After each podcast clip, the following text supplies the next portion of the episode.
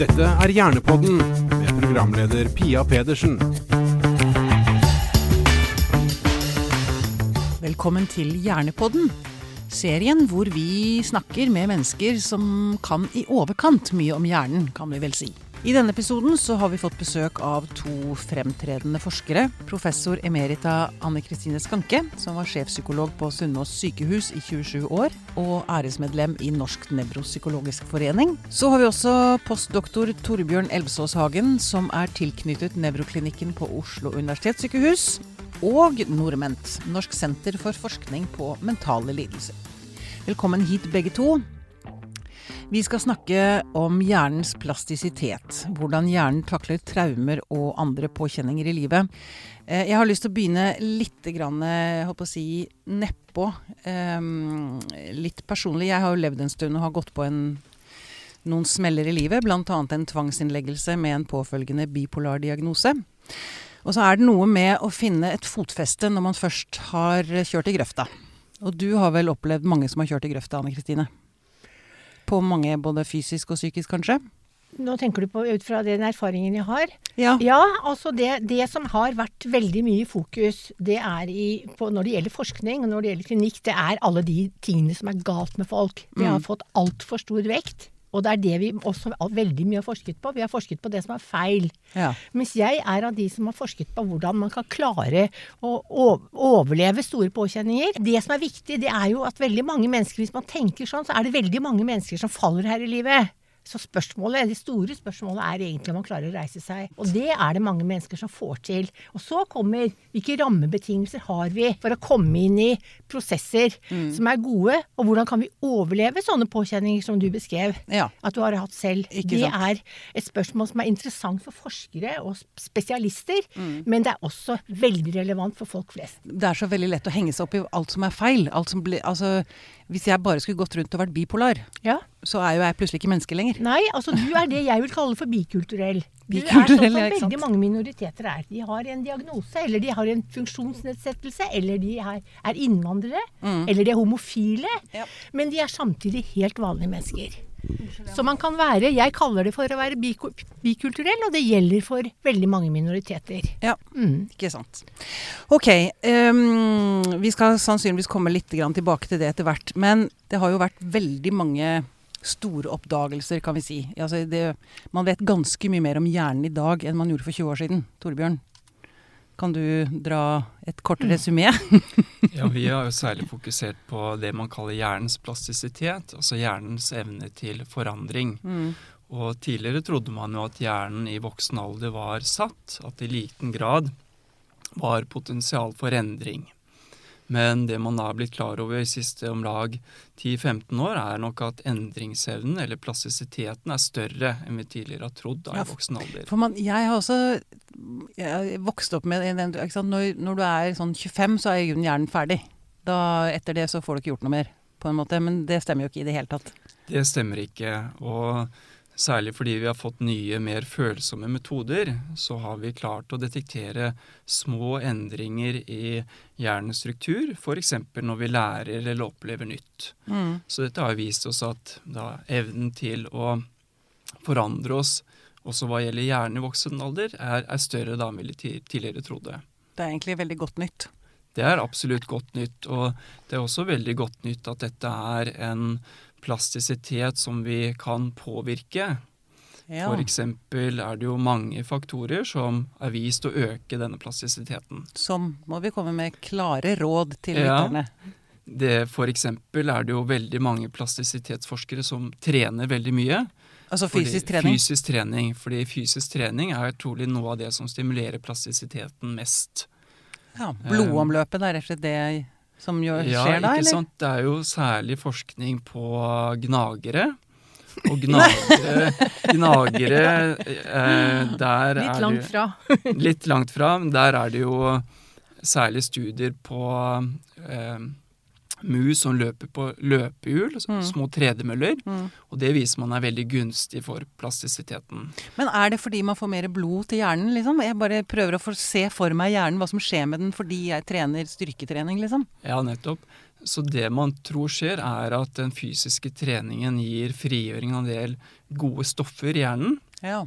Som man kaller vekstfaktorer. Sånne endorfiner og Ja, nervevekstfaktorer. Og at disse nervevekstfaktorene da gjør at hjernen blir mer plastisk eller formbar. Ja. Og når den blir plastisk, hva er det som er bra med at du har en plastisk hjerne da, da Ja, da har du et potensial for endring. Ja. Og det er klart, en endring kan jo være positiv eller også negativ. Så um, man kan jo si at plastisitet er et nøytralt begrep som kan gi da endringer som kan være både gunstige og uheldige da for, for et individ. da. Å ja. Akkurat. Så for, akkurat. Det er egentlig Man har en mykhet, da, kan man si, i hjernen. Så man, man er mer mottagelig for ting. Ja, man kan absolutt tenke seg eh, eh, at det er noen sykdommer hvor plastisiteten er for stor, og hvor da disse endringene har vært ugunstige for, for denne personen. Ja, ja, nettopp. Ok. Men um, når man opplever et traume, og det kan jo være Altså et traume kan være veldig mye. Det kan være en fysisk skade, man kan få en sykdom, man kan få so stor sorg, man kan miste, ikke sant. Jobb, forhold Altså vi, Traumer unngår man nesten ikke. Mm. Hva er det som skjer med hjernen da? Det er jo ulike typer traumer. Man kan jo tenke seg et eh, hjerne, altså en hjerneskade vil også være et, et traume. Og det er den typen eh, pasienter som Ann-Kristin særlig eh, arbeider med. Og, og da er det klart, i rehabiliteringsfasen så er hjerneplastisiteten helt avgjørende for at man da gjenvinner funksjonen. Mm. Uh, og da er det f.eks. veldig fokus på disse forbindelsene mellom nervecellene i hjernen, som man kaller synapser. Eh, I hjernen så har vi jo et sted mellom 80 og 90 milliarder nerveceller. Mm. Og hver av disse nervecellene har et sted mellom 1000 og 50 000 forbindelser til andre nerveceller. Oi, ja, nettopp. Og alle disse forbindelsene de har da trolig potensial for endring.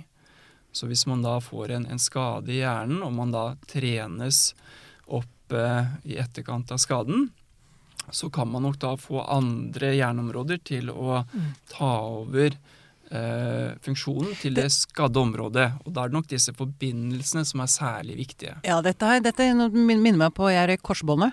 Og da gjelder det å trene opp muskulaturen rundt kneet Mm. for å, å si, kompensere. Mm. Ikke sant? Det er det du snakker om, egentlig? Det, det er det jeg snakker om. Så, så plastisiteten er da særlig viktig i gjenopptreningen da, Ja. etter en hjerneskade. Ja, Nettopp. Og eh, bare tilbake, du snakket om eh, hva man kan gjøre for å øke plastisiteten. Trening er én ting. Var det andre ting der? Er det andre ting? Lønner det seg å løse kryssord, liksom? Ja, ikke sant. Så um, man regner jo da med at ehm, det å oppleve nytt er veldig godt for hjernens plastisitet. Ja. Om man da går på kunstutstillinger eller Mm. reiser til nye områder, Møter nye eh, folk. at man møter nye folk Går så- nye veier. Nye veier, Mm. absolutt. Mm. Det er nok eh, faktorer som vil kunne øke plastisiteten. Ikke sant. Og det gjelder om man er syk eller frisk, holdt jeg på å si. Alle har godt av det. Mm. Finn, gå Absolutt. andre veier til jobben. Absolutt. Ja. Og så, Ja. ja, og så er det jo eh, sterke holdepunkter for at søvn er viktig for plastisitet. Mm. Så um, det kan vi jo kanskje komme tilbake til siden, men det er veldig sterke koblinger mellom da søvn og særlig da forbarheten til forbindelsene mellom nervecellene i hjernen. Ja. Mm. Ok, Anne Kristine. Ja, altså jeg tenkte på I forhold til det du sier om plastisitet, så er det riktig. Og det er veldig, veldig stort forskningsmessig tema. Og det er veldig mye på struktur- og organnivå. Ikke sant? Man kan finne små forskjeller. Så spørs det hvilken betydning de har for funksjon. Det er, vi har snakket om det tidligere, du og jeg. Det er veldig forskjell på det man finner på organnivå, på bildediagnostikk, og det som er personens funksjon. For en hjerne er ikke en hjerne, den kommer an også på hvilken person som har den. Ja, for hjernen er en harddisk, egentlig. Nettopp, og de er forskjellige. Så, og du kan si at plastisitet er en viktig, et viktig element.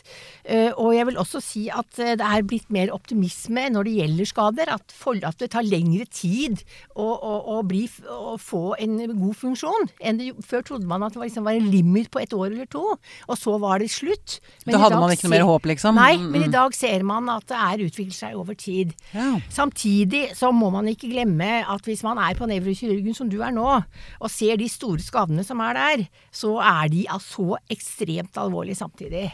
Så du kan si hvis man, hvis man mister bevisstheten og kommer i en komatilstand, som jeg har sett pasienter blir, så våkner de ofte ikke opp. Hvis det er alvorlig nok. Og en svær hodeskade er en svær hodeskade, og det fortsetter å være det. Så det, og et stort hjerneslag fortsetter å være det selv om man trener med kryssord. Så du kan si at det er viktig alt det du sier, og samtidig er det rammer som eh, vi mennesker Vi har enda ingen god eh, måte å, for, å forandre på, på nerveceller som går tapt. Nei. Ut fra, mine, ut Nei, vi, vi, det kan jeg vil si. vi, kan ikke injisere Du holder på nå med Parkinson-pasienter, og du prøver, gir dem sånn hjernestimulator og så forskjellige ting, men det er, MS og sånne ting er veldig alvorlig uansett. Så det, er, det, det ene er liksom alt, Det ene er alle de håpene som du formidler, som jeg syns vi skal fortsette å ha. Som, og vi som er heldige og enda har sluppet unna de store påkjenningene, skal vi tenke på både kryssord og trening og ikke røyke og være sunne og tenke at vi har en Vi er velsignet med en god helse som det er et mål å bevare. Og så skal vi tenke på også på de som er i situasjoner som er veldig vanskelige. Der de må tilpasse seg og omstille seg og få en mange får en annen livssituasjon, Ja. men de kan ha det bra likevel. Det er, jeg håper du er enig med meg i det, Torbjørn, at det er liksom flere aspekter. Og det er utfordringen i dag. Å tenke innenfor resiliensforskning, som jeg gjør. Ja. Det er at man også kan eh, At man også har egenskaper eller forutsetninger eller rammebetingelser som gjør at man kan klare påkjenninger godt. ja, fordi det vi egentlig snakker om her, er vel egentlig lykkebegrepet. Før tenkte man at det var personlighetsfaktorer alene. Så det var hvordan du var som gjorde hvordan du fikk det. I dag tenker vi ikke det. Vi tenker at det er tre faktorer som avgjør hvordan folk klarer å håndtere påkjenninger. Og det første er personligheten. Det hjelper å være optimist. Det hjelper å kunne se framover, osv. Eh, Det hjelper å være, så det hjelper å være litt robust. Eh, Det andre er at det er veldig avhengig av hvilket nettverk og sosial kontakt vi har med andre mennesker. Ikke sant? Det er ingen art som er så avhengig av eh, Som er så tilknyttet med, medlemmer av arten som vi er. Så vi klarer oss veldig dårlig hvis Du vi mener at blir flokk, flokken er viktig, Veldig. viktigst for oss av alle pattedyr? Ja, mens is- i- især menneskearten. Ja. Eh, Og så det siste som er avgjørende, det er jo hvilke rammebetingelser vi lever under. Mm. Det nytter ikke å være lykkelig hvis man har så vanskelige bo, bo, boforhold. Eller har dårlig økonomi, eller Nettopp. Ikke sant? Det Mm. kommer inn. Så det er flere faktorer som i den artikkelen jeg viste deg i stad. Der ser du at det er, disse, det er disse tingene i dag som etablert forskning sier er de tingene som har betydning Ja. for hvordan folk klarer seg. Ja. Og så kan vi ha nedturer og oppturer, og for i et langt liv så skjer det veldig mye. Mm.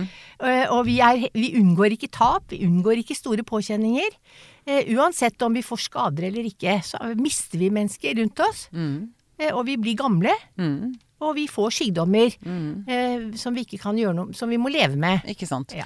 Og så har vi da Det ene er om man får en alvorlig sykdom, som du da snakket om, Torbjørn. Altså hvis man får MS eller Parkinson, altså det blir Da er livet et helt annet. Det må det- ikke være det. Nei, nei jo, men det, du må legge om livet. Litt. På en eller annen måte så blir du, er du nødt til det. Er du ikke enig i det? Torb, Det er altså, jeg enig i. Og så kan du si eh, også at man har tenkt at nå altså, man, Ofte tenker man om sykdom at man snur hele livet på hodet. Mm. Det høres sånn ut når man treffer de på Sunnaas som virkelig får vært utsatt for de største ulykker som mennesker kan overleve. Mm. Da ser det ut som at livet har blitt snudd på hodet. Mm. Men over tid, hvis du følger dem ikke bare inne på Sunnaas, men hvis du følger dem over 5, 10, 15, 20 år, Mm. så ser du at veldig mye normaliserer seg. ja. Kan jeg kommentere på det? Jeg har jo doktorgrad i polio. eh, Og jeg har jo Doktorgrad da i polio. om mennesker som hadde polio. Aha. Det var jo altså barn som vokste opp på 40- og 50-tallet. Stort Stort sett når de store polioepidemiene kom. Ja. Gjennomsnittsalderen var fire og seks år. Mm. De var ca. seks år. De var, dette var under krigen. De var sendt, de var deprivert i år og måneder. Mm. Alltid alene. Jeg var, er jo samme generasjon. Eh, og de var Ja, de ble sendt på sykehus? De var sendt til Sverige, de var sendt til Danmark, de var sendt som pakker på toget. For det var ikke helsehjelp under krigen i Norge. Og disse har jeg hatt kontakt med siden 90-tallet. Eh, og man skulle tenke seg at barn som hadde vært utsatt for sånne påkjenninger Når jeg studerte psykologi, så var det en kjent barnepsykiater som het Bowlby, eller psykolog, som sa den gangen at disse barna ville bli retarderte. Og de ville ikke tåle en sånn påkjenning. Det har de altså gjort. Mm. Jeg har fulgt dem da siden 90-tallet og fram til i dag i store studier på over 1000 personer. Og fortsatt er denne gruppen en veldig resilient, eh, som karakter, har karaktertrekk som er veldig motstandsdyktige. Mm. Så de har, fra min studietid på 70-tallet, og så på en måte har de virkelig beat the odds og vist at eh, man kan klare seg utrolig bra, selv med så dårlige forutsetninger. Men alle gjør ikke det. Så man må se dette i en kontekst, ikke sant. Man må se det i en kontekst. Dette var barn som var utsatt for en stor eh, folkesykdom. eh, Og ble ivaretatt av helsevesenet, selv om de ble veldig dårlig ivaretatt psykologisk. Mens kanskje barn som er, kommer fra andre forhold, de vil tåle det dårligere. Mens vi, vi er jo så gamle, du og jeg, at vi husker jo de barna på barnehjemmet i Romania på 90-tallet. Husker, husker du det? Ja, det husker jeg. Eller- Ja, ikke sant? Det var husker det helt ikke, ekstremt. jeg De sto i sånne sprinkelsenker og så ut som nesten så nesten ikke ut som mennesker engang. De barna forsket man på etterpå. Hva skjedde med de barna? Som noen av dem var altså helt ødelagt. Så viste det seg, det var Michael Rutter, en av de mest kjente barnepsykiaterne i verden, som var med i den studien, og sier at de fleste av disse barna, de innhentet utviklingen over tid. Det er veldig interessant. Og det er liksom lignende på disse poliobarna som jeg har kjent og fulgt. Så da er vi egentlig tilbake til det du sa i sted, om at det viktigste er egentlig flokken. Altså at man Ja, har mennesker si, rundt si, men seg så som er det, er det egenskapene også at noen mennesker er mer motstandsdyktige enn andre. Tåler påkjenninger bedre. Og det store spørsmålet er jo selvfølgelig hvordan kan man arbeide mer med å få folk til å bli mer resiliente og motstandsdyktige. Når du snakker om, og da er vi over liksom på det du sier om plastisitet. For det er jo en form for plastisitet. Resilience er jo preget av til, evne til tilpasning. Mm. Det er på en måte definisjonen. Men er vi født med den re resilienten? Det tror jeg at menneskearten har en overlevelsesevne som er veldig stor. Men det er allikevel skjevt fordelt. Det kan det være. Men hvis du ser på de lidelser som folk er utsatt for, og klarer å overleve i verden, så ville ikke arten overlevd hvis man ikke hadde en motstandskraft. Nei. Det har vi. Men vi sørger jo mye. Så folk er jo ulykkelige. Men de klarer allikevel eh, å stå i ting som er så vonde på en eller annen måte. Mm. Og det, er, det får man veldig respekt av. Men- Man blir bli veldig imponert over mennesker. Folk har sagt til meg at det er så Er det ikke veldig trist å være på Sunnaas, men er, du blir veldig imponert. Det er egentlig helt Ja. motsatt. Du blir Ja, ikke veldig du trist at du, blir- blir, du skjønner hvor arten, du utrolig må- mye hvor, Ja. hvor fantastiske vi mennesker er. Ja, jeg må si det. At jeg blir veldig imponert. Får stor respekt Ja, for er, medmennesker av å være der. ja. Men, og du blir vel også fasi... Altså ditt felt, eh, Torbjørn. Altså, det er jo eh, Ikke sant, du går jo inn i et mysterium. Tenk, tenk, altså, du må jo være full av Jeg har lyst til å bruke det engelske ordet å over det instrumentet hjernen er. Jo mer du forsker, er det ikke sånn at jo mer du lærer, jo større skjønner du det er, liksom? Det er klart Vi som forsker på hjernen, syns jo hjernen er det mest spennende organet. Og det er, Men de fleste er vel enig kanskje i det? ja, og det er jo fremdeles eh, slik at vi overraskes av nye oppdagelser. Og det er fremdeles veldig mye man ikke forstår om hjernens grunnleggende fungering. Mm. Og da er det jo ikke rart at vi ikke forstår sykdommer fullt ut heller, når vi ikke forstår da hvordan det skal fungere under normale forhold. deg, Hva burde vi visst for å forstå sykdommer som du sa vi ikke forsto det grunnleggende? Nei, jeg tror jo at Eller det kreves jo helt klart mer eh, basalforskning.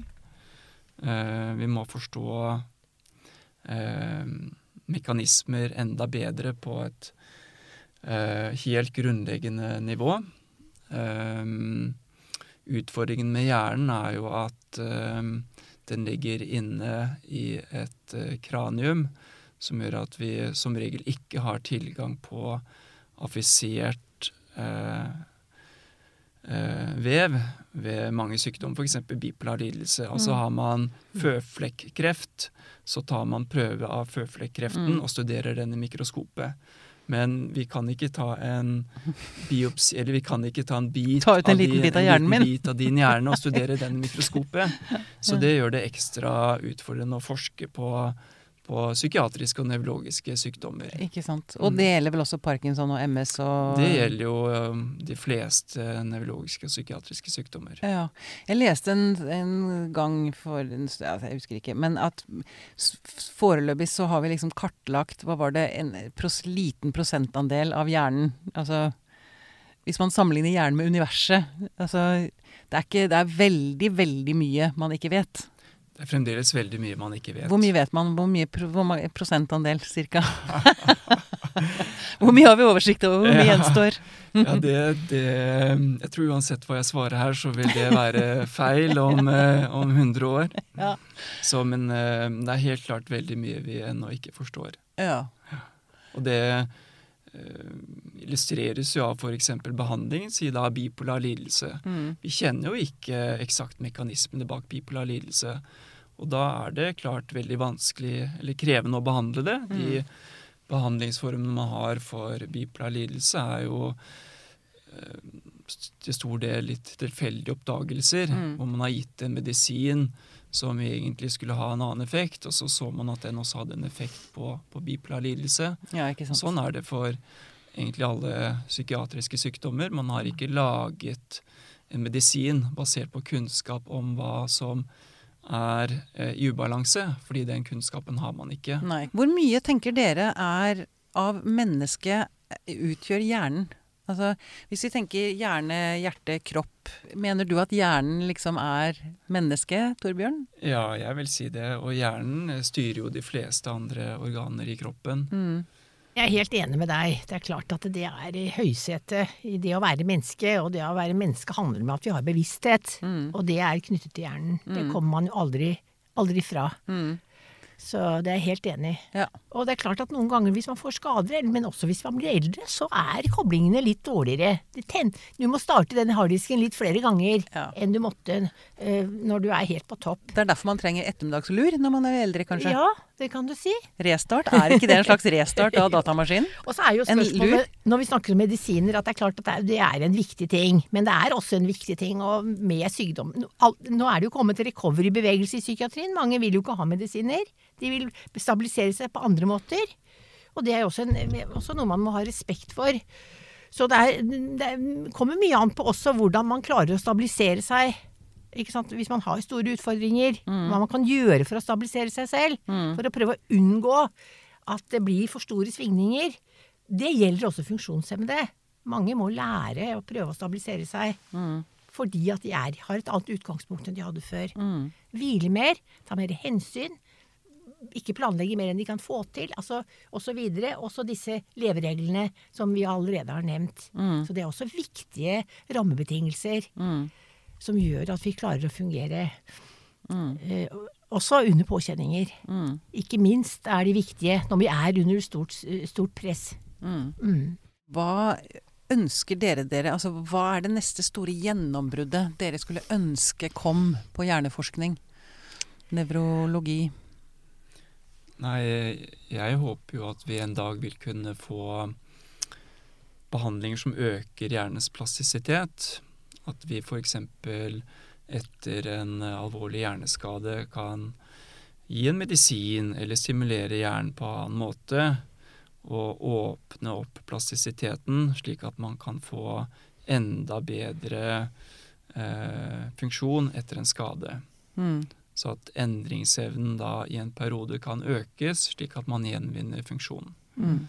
Og jeg tror man vil komme dit, ettersom man nå etter hvert forstår mer om mekanismer bak plastisitet. At man kanskje da om, om noen år vil kunne få behandling som øker plastisiteten. Mm. Så det håper jeg Og så er det litt høna og egget. Ikke sant? Fordi at jeg er jo forsker og vært inn- har vært med og vært inne i mange behandlingsprogram for rehabilitering. Som er evidensbaserte i større og større grad. Ikke sant? De baserer seg på forskning. Så du kan si at jo mer vi klarer å bruke evidensbaserte behandlingsprogrammer for pasientene våre, i jo større grad vil det også kunne påvirke plastisiteten. Så vi kan ikke bare vente på at det skjer. Vi må, vi må utfordre oss til å finne gode kliniske behandlingsprogrammer i hverdagen. Og det er noe av det jeg har forsket mest på. Det er klinisk pasientgrupper. Hvordan kan vi, nytte, hvordan kan vi bidra eh, til å skape en bedre behandling og en bedre forståelse. Mm. Det skjer veldig mye på MR-siden, og på dia gjør de ikke det? Altså fotograferings... Men hvor mye som det faktisk påvirker enkeltmennesker, det er ikke så godt å Nei, det er jo et interessant Hva ser du for deg at det kan påvirke? På hvilken måte ser du for deg at det kan påvirke oss? Av Fotograferingen den av nye hjerneforskningen. altså. hjerneforskningen? Ja, nei um, Et annet eksempel er jo For det å trene, unnskyld, det er jo del av det sunnhetsregimet som de fleste er klar over. Er det ikke det? Jo, nei, vi var jo litt inne på det i sted, at vi ikke kjenner mekanismene bak eh, f.eks. psykiatriske sykdommer. Mm. Så nå er det jo veldig fokus på å eh, identifisere f.eks. gener som har betydning for si bipolar lidelse eller schizofreni. Mm. Og mange håper jo at kunnskapen da om hvilke gener som gir økt risiko for disse tilstandene, Mm. eh, vil kunne hjelpe oss til å forstå mekanismene bedre. Og når vi da forstår mekanismene bedre, så vil vi neste gang kunne utvikle en ny og mer effektiv behandling. Mm. Så det er noe veldig mange av oss eh, håper på. At vi vil forstå hva er det som egentlig går galt når man da har en bipolar lidelse som, hvor humøret svinger. Mm. Og når vi da endelig kan forstå de presise mekanismene, ja, da tror jeg vi vil kunne behandle det langt mer effektivt enn hva vi kan per i dag. da. Ja. Det er mye forskning som skjer på psykedelika om dagen. Mm. Som har vist, så vidt jeg har sett, ganske oppsiktsvekkende resultater. Har dere, vet dere noe om kan dere, Har dere liksom gått inn i det? Både på PTSD, på depresjon, på avhengighet, på Det, det er ikke noe vi har forsket på, men jeg har lest en del av forskningsresultatene. Og det er Mm. klart det er veldig interessant forskning. Mm. Og igjen, utgangspunktet er at man trenger mer effektiv behandling. Mm. Og hvis dette da eh, kan være effektivt for noen pasientgrupper, ja da vil alle eh, leger og psykologer være veldig interessert i å ta det i Mm. bruk. mm. Eh, jeg tenker vel så langt at psykedelika bør gis i en veldig kontrollert setting, hvor det er i et forskningsprosjekt. Mm. Uh, hvor kanskje det mest interessante er å studere underliggende mekanismer. F.eks. har vi jo snakket om plastisiteten til forbindelse mellom nerveceller. Mm. Det er holdepunkter nå for at psykedelika kan virke gjennom å øke antall forbindelser mellom nerveceller. Ikke sant. Så jeg tenker jo at kanskje det særlig spennende med psykedelika er å få mer kunnskap om mekanismene, Mhm. slik at vi i neste omgang kan lage mer Behandlings- effektive behandlinger som kanskje da ikke har en del av de potensielle bivirkningene ved psykedelika. Ikke sant. Det er klart Man kan også tenke seg at man kan La oss si, hvis det faktisk er sånn at psykedelika virker bl.a. gjennom å øke antall forbindelser mellom nerveceller, Mm. at man kan da stimulere til eh, nydannelse av forbindelse mellom nerveceller på annen måte enn medisiner. Absolutt. Mm. Ikke sant. Det, det er det, jeg- det jeg har lest. Er det det du tenker på? Jeg, ja, jeg tenker jo Ja. på, på fysisk aktivitet, men, Ja. men det er klart, det er jo ikke Det er ikke sånn at man kan trene seg Nei. frisk eh, hvis man har en bipolar lidelse. Men, men det fokuseres jo selvfølgelig også veldig mye på hvordan man kan Mm. ikke-invasivstimulere hjernen elektrisk. Mm. Kanskje er det en måte å, Mm. å Elektrosjokk. Ja, eller andre former for Mm. elektrisk stimulering. Ja. Så, så iallfall vi, vi syns jo denne psykedelikaforskningen er veldig interessant. Mm. Kanskje særlig fordi den kan gi oss innsikt i underliggende mekanismer. Mm. Ikke sant. Ikke sant. Ja. Veldig bra. Er det noe dere har lyst til å føye til på slutten? Som jeg, så vi har Nei, vært jeg har bare lyst til å si at jeg syns det har vært en spennende samtale. Mm. Jeg sitter og tenker på det du sa om mekanismer. Den, en av de sykdommene vi vet mest om, det er når det gjelder gener, det er Huntington. Der vet vi antagelig ganske mye om mekanismer. Men dessverre er det jo slik at får man Huntington, og det får man jo hvis man har genet, så er det lang vei igjen eh, til god behandling. Men vi kan håpe sånn som deg, og du er så ung at du får anledning til å fortsette det arbeidet på vegne av de som virkelig trenger det. Veldig bra. Tusen takk for at dere kom i studio, Anne Kristine Skanke og Torbjørn Elvsås Hagen.